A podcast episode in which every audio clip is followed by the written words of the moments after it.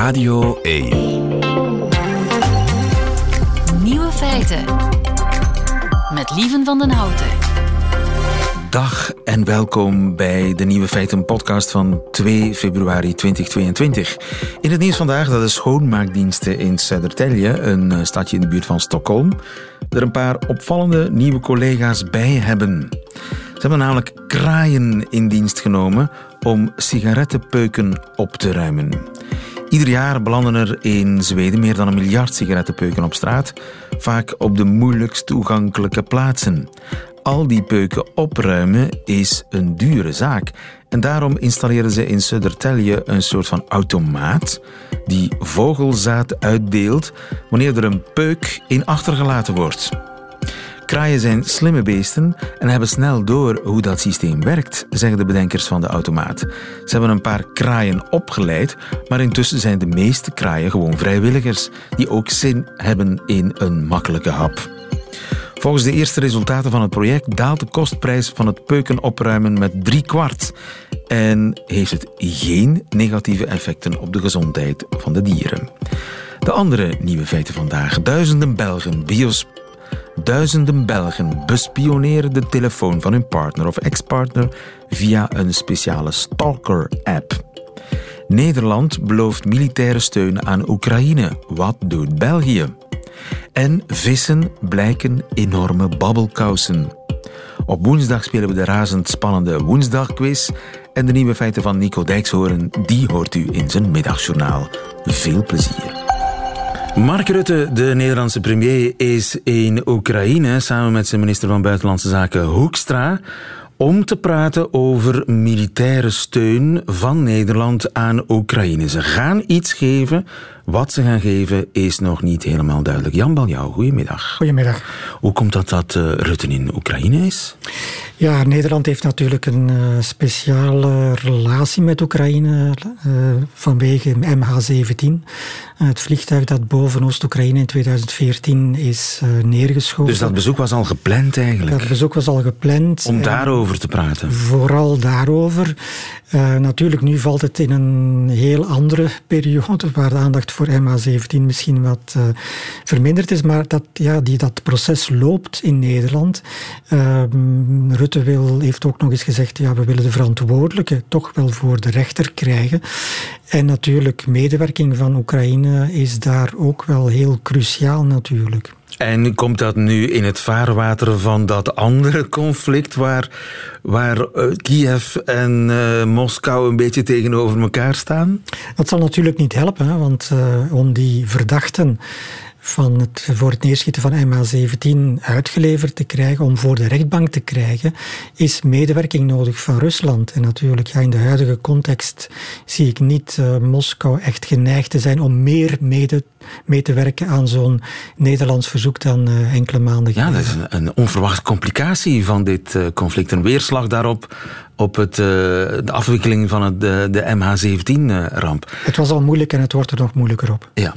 Nu, die wapens of militaire steun die Nederland geeft, hebben we enig idee waar dat over zou kunnen gaan? Ja, wapens zou ik nog niet direct zeggen. Het, gaat vooral over steun in cyberaanvallen. Dus Oekraïne heeft veel last van cyberaanvallen en heeft uh, daar heel veel steun voor nodig om die cyberaanvallen af te weren. En Nederland heeft daar heel veel know-how in. Wel, ja. Dat weet ik zelf persoonlijk niet. Dat beweren zij. Uh, beweren zij. Zij hebben hulp aangeboden. Nu, de Oekraïnse president Zelensky heeft wel gezegd... ja, het is niet dat we afhankelijk zijn van buitenlandse hulp. We kunnen ons best zelf verdedigen. Heeft trouwens ook uh, gisteren, dacht ik nog, aangekondigd dat het Oekraïnse leger met 100.000 man, 100 manschappen verhoogd wordt. Het heeft, nu, het heeft er nu 250.000. Komen er dus op drie jaar tijd 100.000 bij. En er zijn natuurlijk uh, landen uh, buiten de EU, zoals het Verenigd Koninkrijk en de Verenigde Staten, die inderdaad ook wel ja, militaire middelen hebben geleverd, vooral dan antitankgranaten. ja, dus, maar dat is buiten de Europese Unie. En Boris Johnson uh, trekt de registers open om uh, zijn Oekraïense vrienden te verdedigen. De Amerikanen zitten daar natuurlijk ook met steun. Nederland zal steunen. Duitsland heeft helmen gestuurd, daar is wat schamper over gedaan. Maar wat doet België?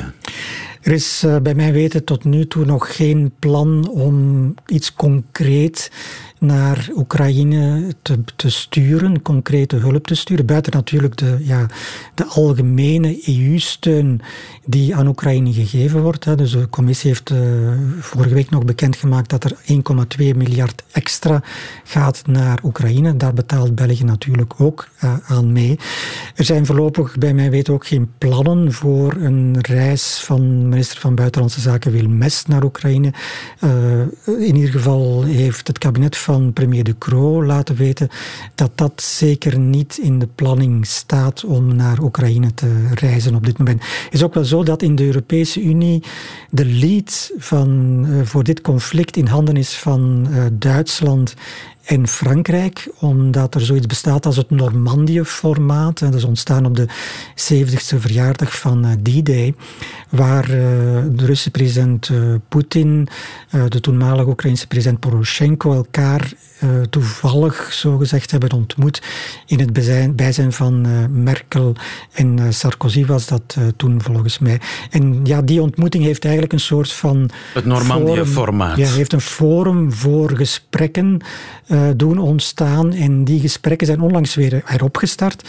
Dus het is nu, denk ik, vooral voor de Europese Unie, ook voor Frankrijk, van belang dat die gesprekken ja, verder gaan en eventueel ja, uitmonden in een topontmoeting tussen uh, de Duitse bondskanselier, president Macron, Poetin en Zelensky. Ja, en in, in, in, de marge daarvan is het niet echt handig dat allerlei ja, Europese landen solo slim gaan spelen en zeggen wij geven dit en wij sturen dit en dat is eigenlijk niet de bedoeling ook. Ja, binnen de Europese Unie is er uh, ja, nog niet echt een eengemaakte buitenlandse politiek. De, elke lidstaat heeft nog een, nog een veto.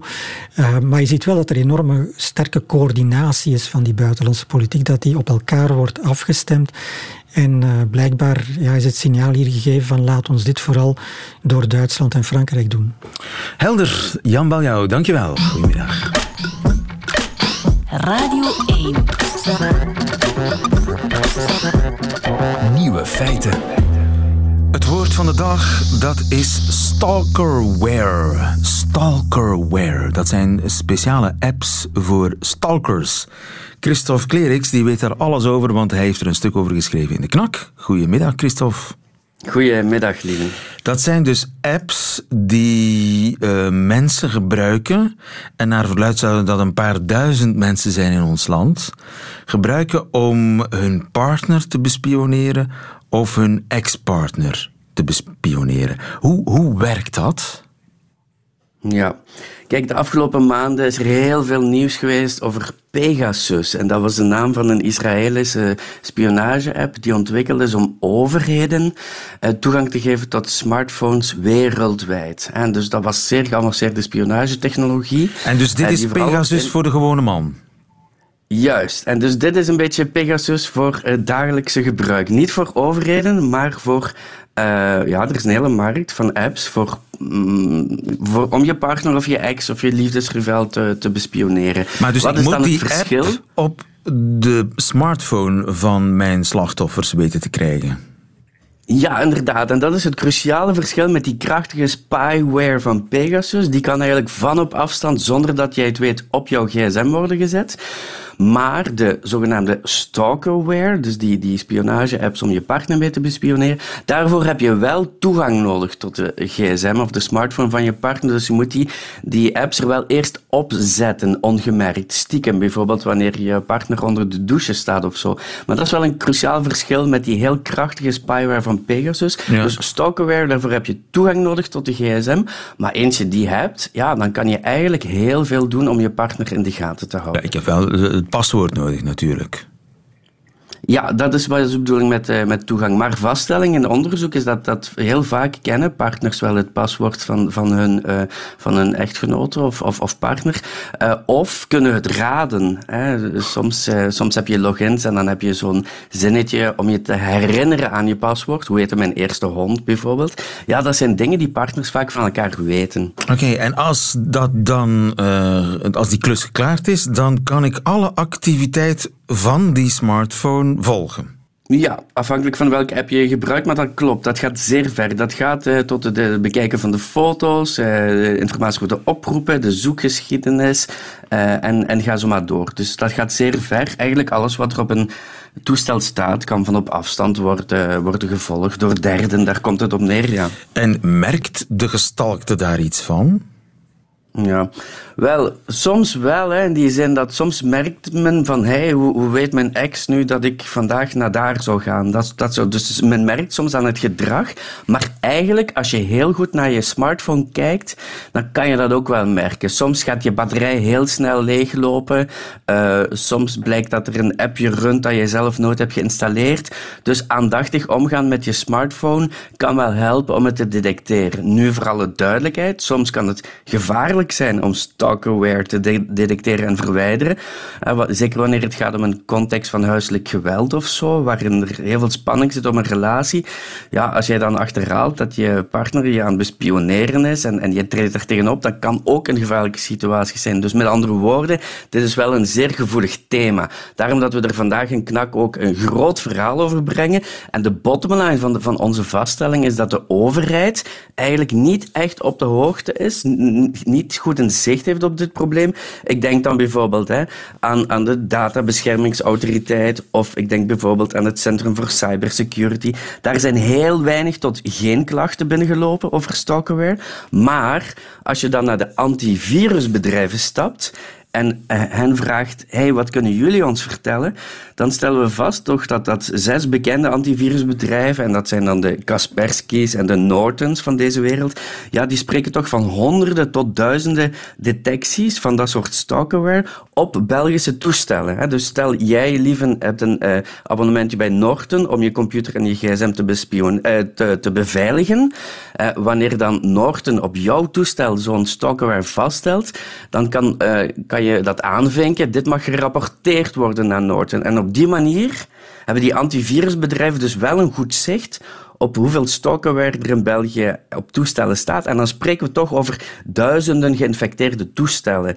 Uh, terwijl de overheid er eigenlijk niet echt een zicht op heeft, omdat er zo weinig klachten binnenlopen. Ja, het is nog iets wat onder de radar is gebleven tot nu toe. Uh, kun je dat gewoon legaal kopen in de App Store?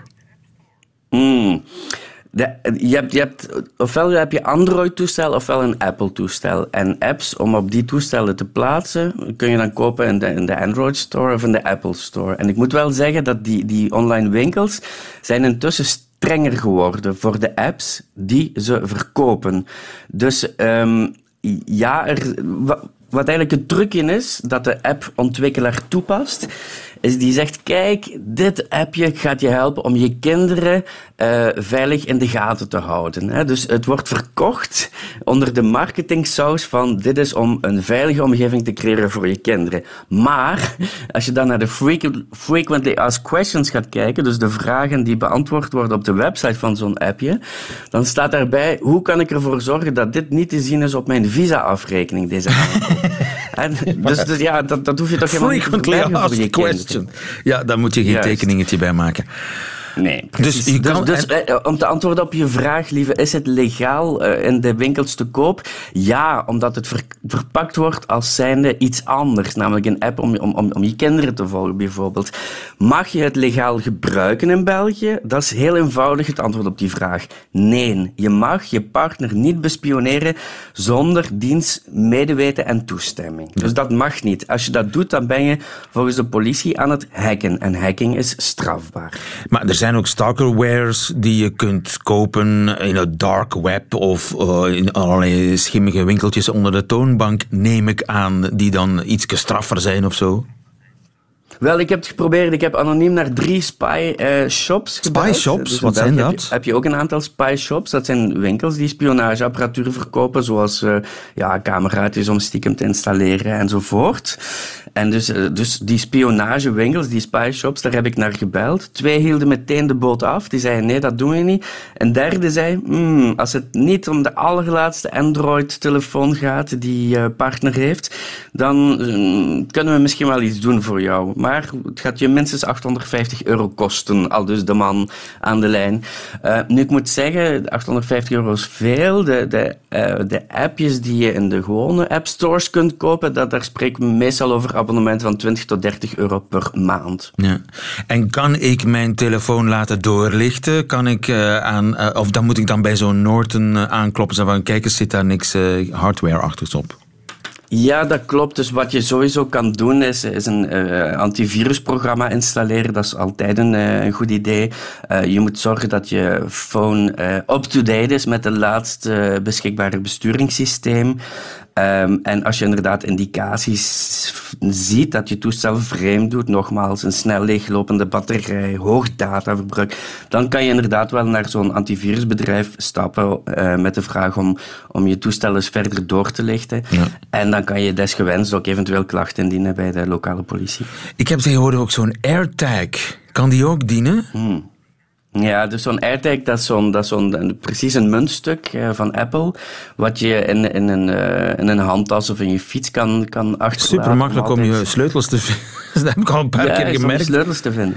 Je sleutels, waar, waar heb ik mijn dus- sleutels gelaten? Ah, even, de air, die zijn geairtagged. Ja, dat is zo. En dus kan iemand ongemerkt zich aansluiten op mijn AirTag en zo te weten komen waar mijn sleutels, mijn telefoon, mijn portefeuille is? Wat iemand kan doen is uh, stiekem in jouw jas een AirTag achterlaten en op die manier al je uh, stappen volgen. In de zoom naaien. Maar wat Apple intussen wel heeft gedaan, is, uh, is een extra functie ingebouwd, zodat als er in jouw buurt, in de buurt van jouw toestel, zo'n AirTag is, die, die niet aan jouw is, account ja. toebehoort, dan krijg je daar wel een melding van. Dus, dus Apple heeft er intussen wel voor gezorgd dat, ja, dat het moeilijker wordt om iemand met AirTag te bespioneren. Maar het kan, hè. dus je, je, je laat zo'n AirTag uh, stiekem achter bij iemand wiens stappen je wil volgen. En, uh, en op die manier kan je toch doen en laten ja, in de gaten blijven houden. Een paar duizend mensen doen dat in ons land. Bespioneren hun ex of hun uh, huidige partner.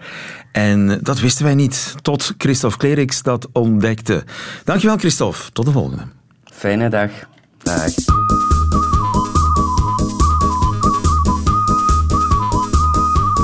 Nieuwe feiten. Honden blaffen, koeien loeien, katten miauwen, maar wat doen vissen? Zwijgen, dacht ik altijd, maar het tegendeel blijkt waar. Vissen zijn ware babbelkousen. Goedroen de Boek, goedemiddag. Goedemiddag. Je bent biologe aan de Universiteit van Antwerpen, gespecialiseerd in vissen. Ja. En het zijn collega's van jou in Amerika die hebben gekeken of vissen kunnen praten. Dat wil zeggen communiceren met geluid. En het antwoord is nogal overtuigend, jazeker.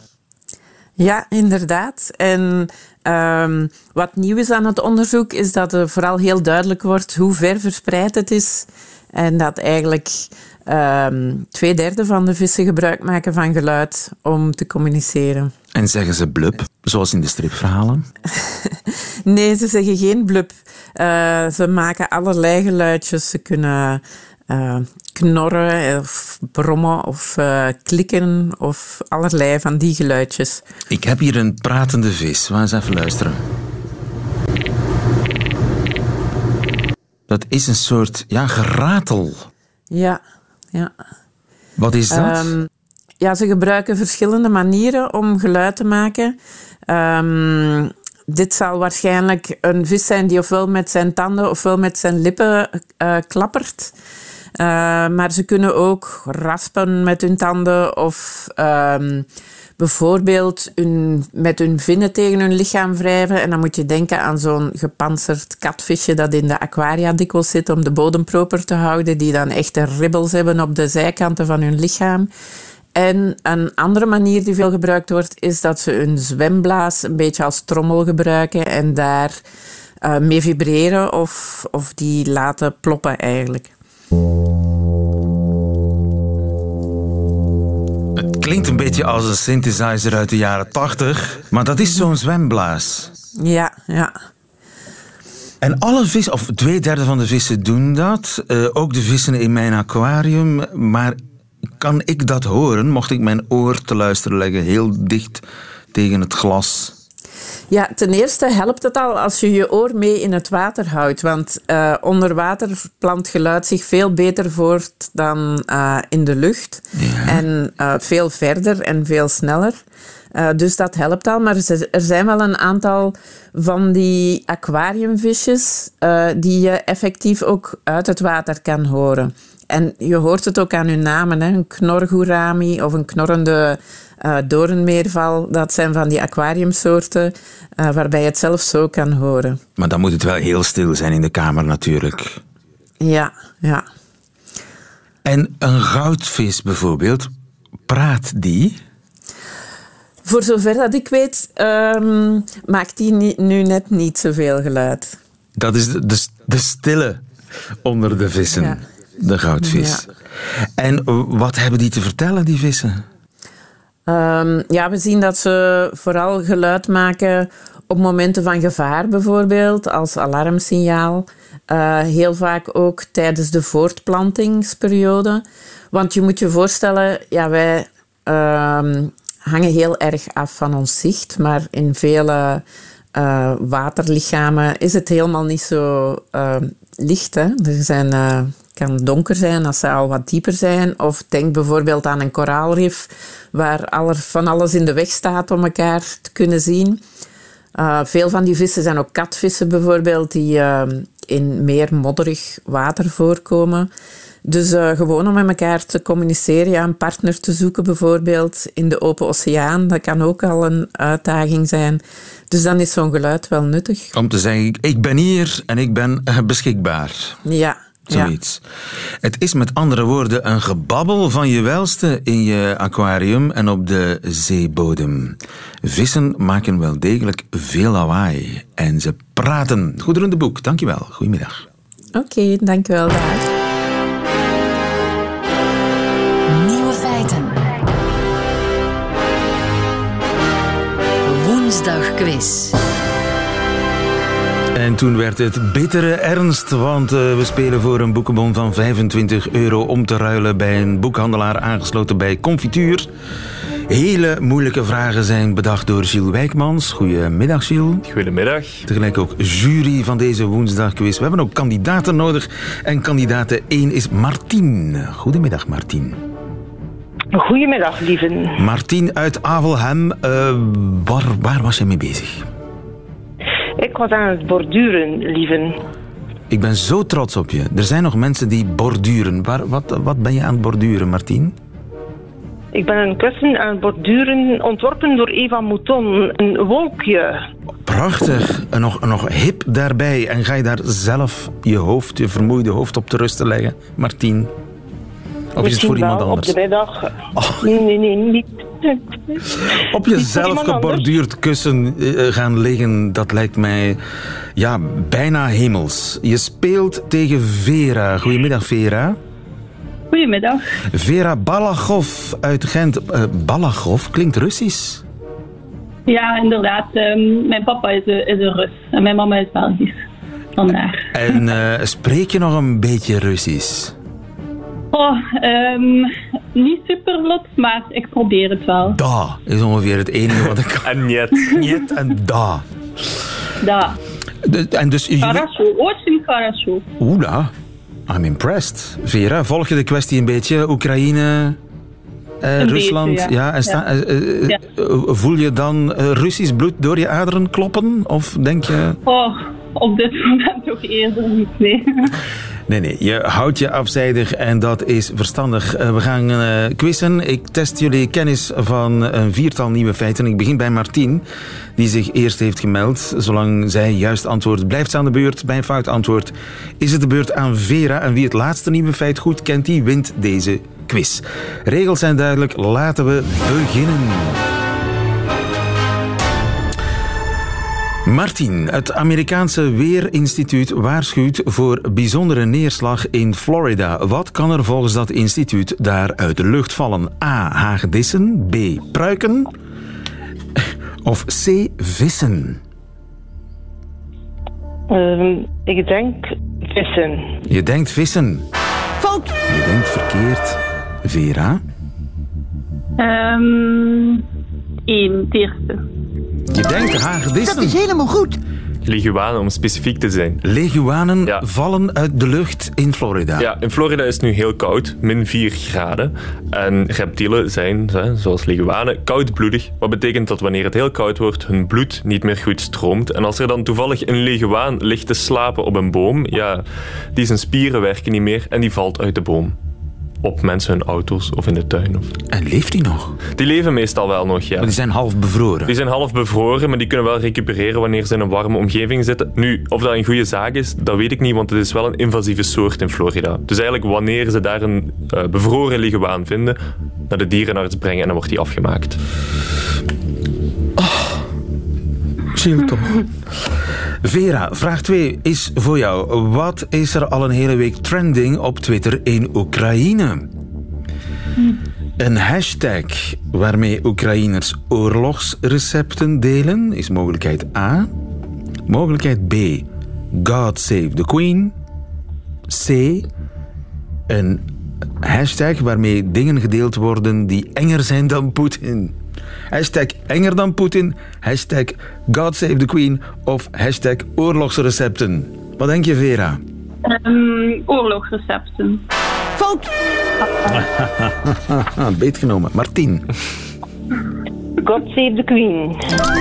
Dat is helemaal goed. Inderdaad, God save the Queen. Waarom is God save the Queen eh, trending op Twitter in, in Oekraïne? Omdat de Britten de Oekraïne volgens de Oekraïners heel goed geholpen hebben. Ze hebben 30 elitesoldaten gestuurd om, het, eh, om de Oekraïnse soldaten te, ja, te trainen. En ze hebben ook nog 2000 antitankraketten gestuurd. En de Oekraïners zijn er heel blij mee. Dus de Queen is populair in Kiev. En- Boris Johnson is toch ergens populairder dan op dit moment. Ja, misschien was dat de bedoeling. Ja.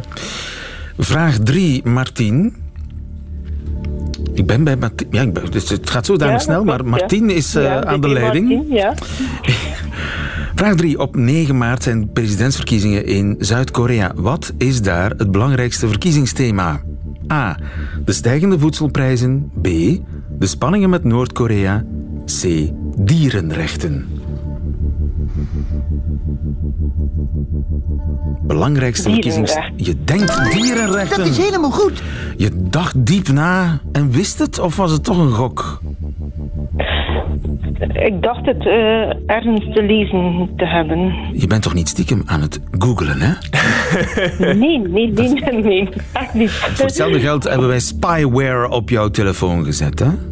Je weet maar nooit. Nee, nee, nee, nee, maar niet grapje. aan Google. Nee, nee, gefeliciteerd. Want dierenrechten, hoe kan dat? Inderdaad, omdat net zoals in China, hè, zoals we gisteren eh, besproken hebben hier in de uitzending, ook huisdieren in Zuid-Korea heel populair aan het worden zijn. Ongeveer 10 miljoen Koreanen hebben nu een huisdier. De Aziaten ontdekken het fenomeen huisdier. Absoluut. Ehm, en ja, de presidentskandidaten daar, die willen eigenlijk die 10 miljoen mensen natuurlijk voor zich winnen. En dan doen ze heel grote beloftes, als in er komen speeltuinen voor honden in heel Korea.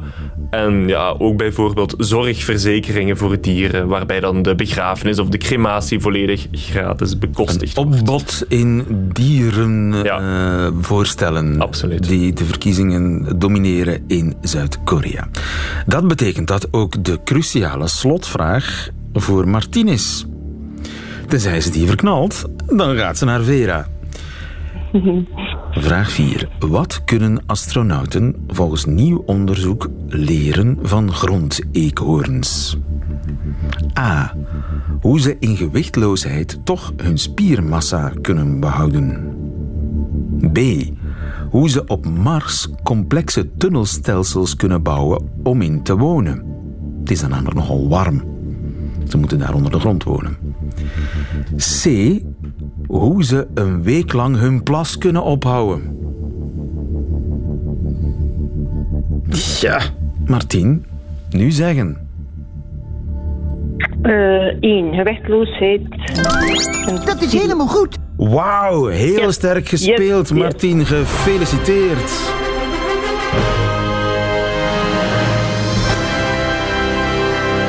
Want, Gilles, Grondeekhoorns helpen bij gewichtsloosheid. Ja, omdat zij kunnen dat in gewichtsloosheid hun spiermassa behouden. zelf zijn ze nooit gewichtsloos geweest, maar ze doen wel een winterslaap. En dan eten ze maandenlang niet en normaal breekt het lichaam dan de spieren af. Maar bij die grondeekhoorns gebeurt dat niet. En dan hebben ze nu ontdekt dat dat komt omdat ze ureum, dat is eigenlijk het belangrijkste onderdeel van urine, ehm, door hun darmbacteriën laten afbreken. En dat wordt dan omgezet in eiwitten die de spieren eigenlijk ehm, op kracht houden.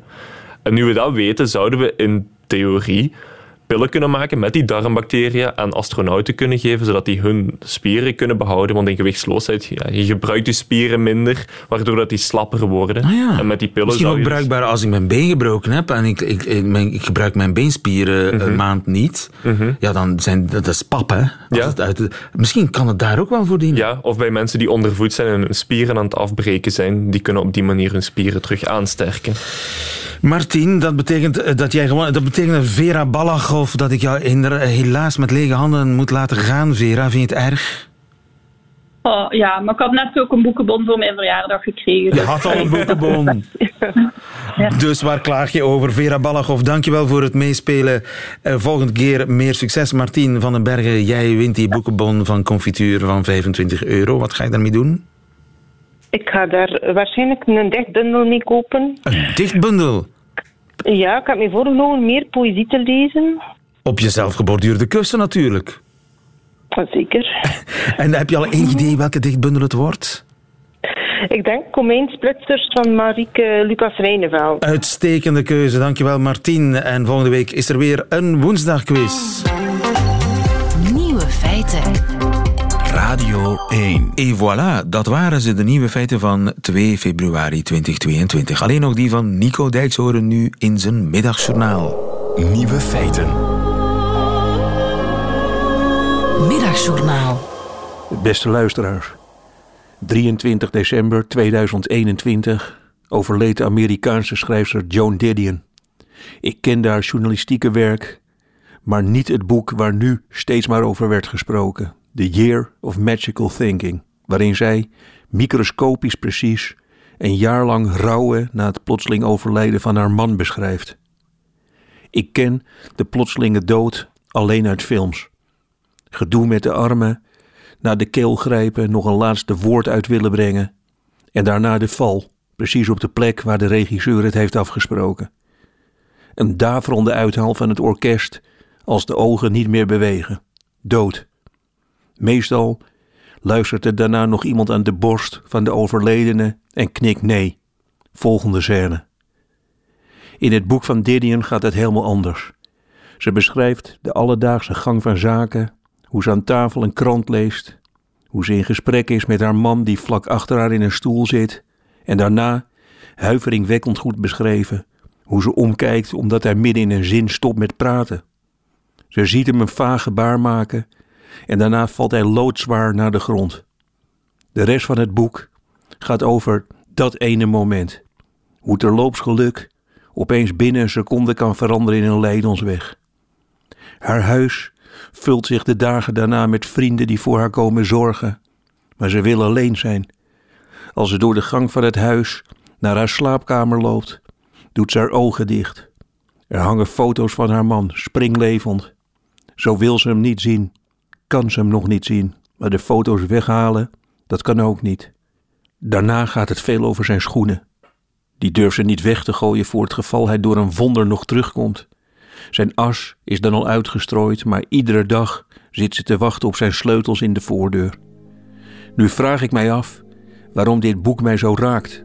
Ik denk dat het door de afgelopen twee jaar komt, waarin de dood zo luidruchtig om ons heen raasde. De dood was de laatste twee jaar een getal, weer gestegen of gedaald.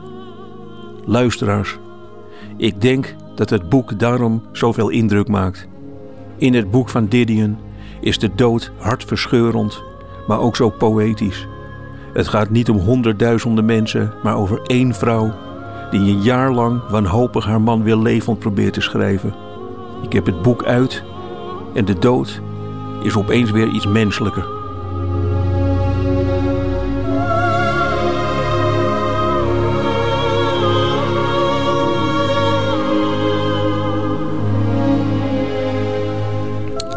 Nico Dijkshoorn met een dijk van een boekentip in het middagjournaal. Einde van deze podcast. Hoort u liever de volledige nieuwe feiten? Dat wil zeggen, met de muziek erbij, dat kan natuurlijk live elke werkdag op de radio, Radio 1, tussen 12 en 1. Of on demand via de Radio 1 website of Radio 1 app. Tot een volgende keer.